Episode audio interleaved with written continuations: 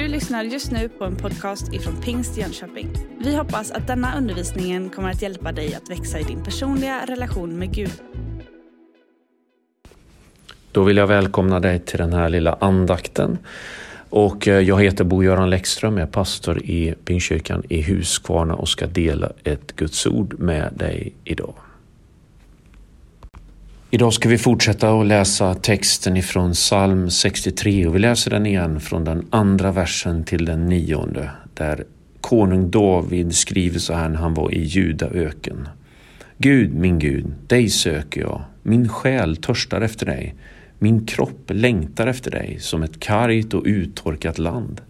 Då skådar jag dig i helgedomen. Jag ser din makt och din härlighet. Din nåd är mer värd än livet. Min tunga ska prisa dig.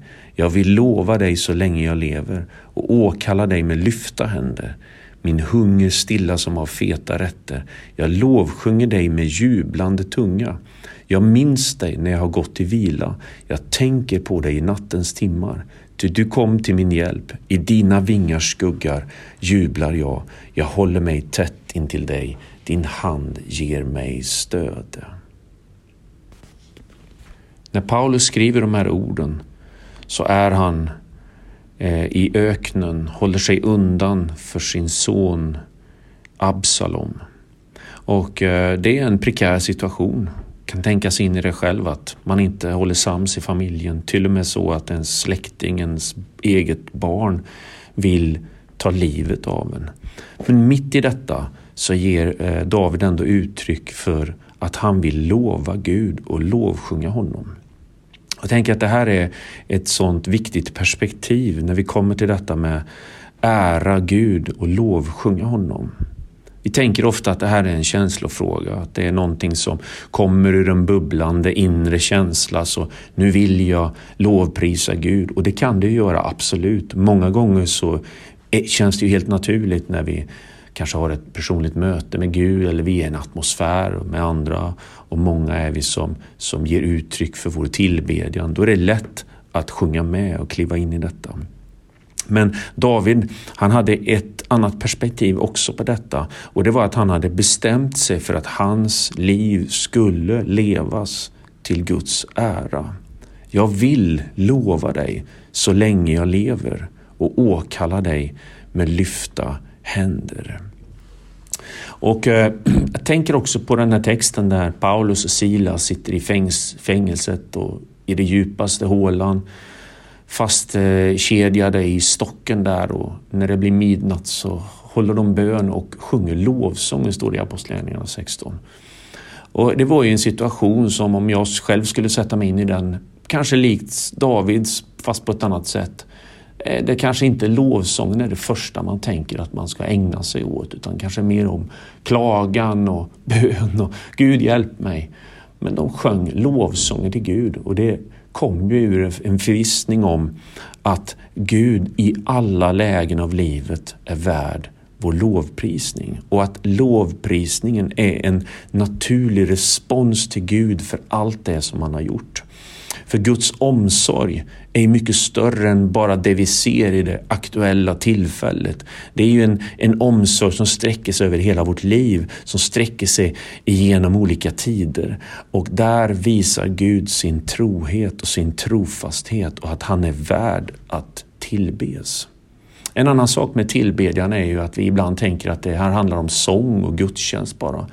Men eh, vi får ju uppmaningen från Bibeln att vi ska tillbe honom med hela våra liv. Alltså hela mitt sätt att vara, det jag tänker, det jag gör kan bli till Guds ära. Och jag tror att det kan vara ett viktigt perspektiv att ha med sig in i olika sammanhang.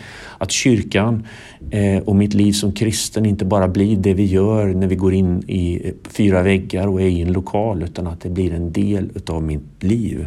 Lovsången är någonting som spirar utifrån en förvissning om Guds trofasthet.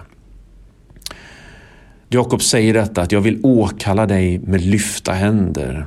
Och det där med lyfta händer tycker jag är ett spännande perspektiv. För det är ju ett, någon slags eh, liturgi som vi använder oss av ofta i lovsången, att vi lyfter våra händer. Och det kommer ju i de här texterna, inte minst från Saltaren där, vi, där, vi, där det blir ett uttryck för att vi ärar Gud. Men jag tänker om vi bara stannar upp vid det där med att lyfta händerna en liten stund. Ni vet vad händer om någon faller i vattnet och vill bli räddad? Jo, man sträcker upp sina händer och man söker efter hjälpen. Tänk att det är ett väldigt bra perspektiv när det kommer till lovsång och tillbedjan. Att det är ett rop på hjälp. Ja, jag söker dig Herre. Det är som under palmsöndagen när folket i Jerusalem ropar Hosianna, Davids son. Vi tänker att det där är ett, ett lovsångsrop, men det är faktiskt ett, ett rop på hjälp. Hosianna betyder rädda oss och att få lyfta sina händer är att sträcka sig mot Gud, att sätta sin tillit till det han vill ge mig. Jag tänker på ett annat perspektiv. Det är ju, jag är ju far till fyra stycken barn och kanske inte så mycket nu när de är äldre, men när de var små så hade det hänt någonting eller pappa kom hem och hade varit borta ett tag så kommer barnen springandes med händerna upp i vädret och, och liksom ropar pappa, pappa och vill upp i min famn. Alltså man sträcker sig mot sin far därför att man vill vara nära och man vill ha gemenskap. Så jag tänker att det är ett bra perspektiv på detta med att lyfta sina händer. Jag sträcker mig efter Gud, min far, och jag söker också efter hans hjälp och det blir ett sätt för mig att ge uttryck för min lovsång. Så ta med dig detta. Dig lovar jag och jag vill lova dig så länge jag lever.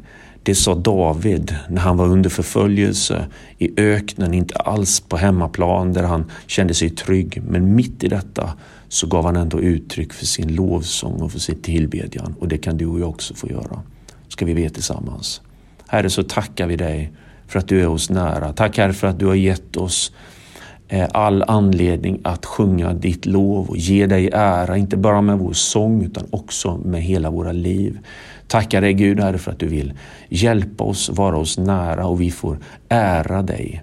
Hjälp oss att lovsången aldrig tystnar utan att den också får ljuda i de svåra tiderna. Och du tar emot den Herre som ett heligt offer. Vi tackar dig för det i Jesu namn. Amen. Du har just lyssnat på en podcast ifrån Pingst Jönköping.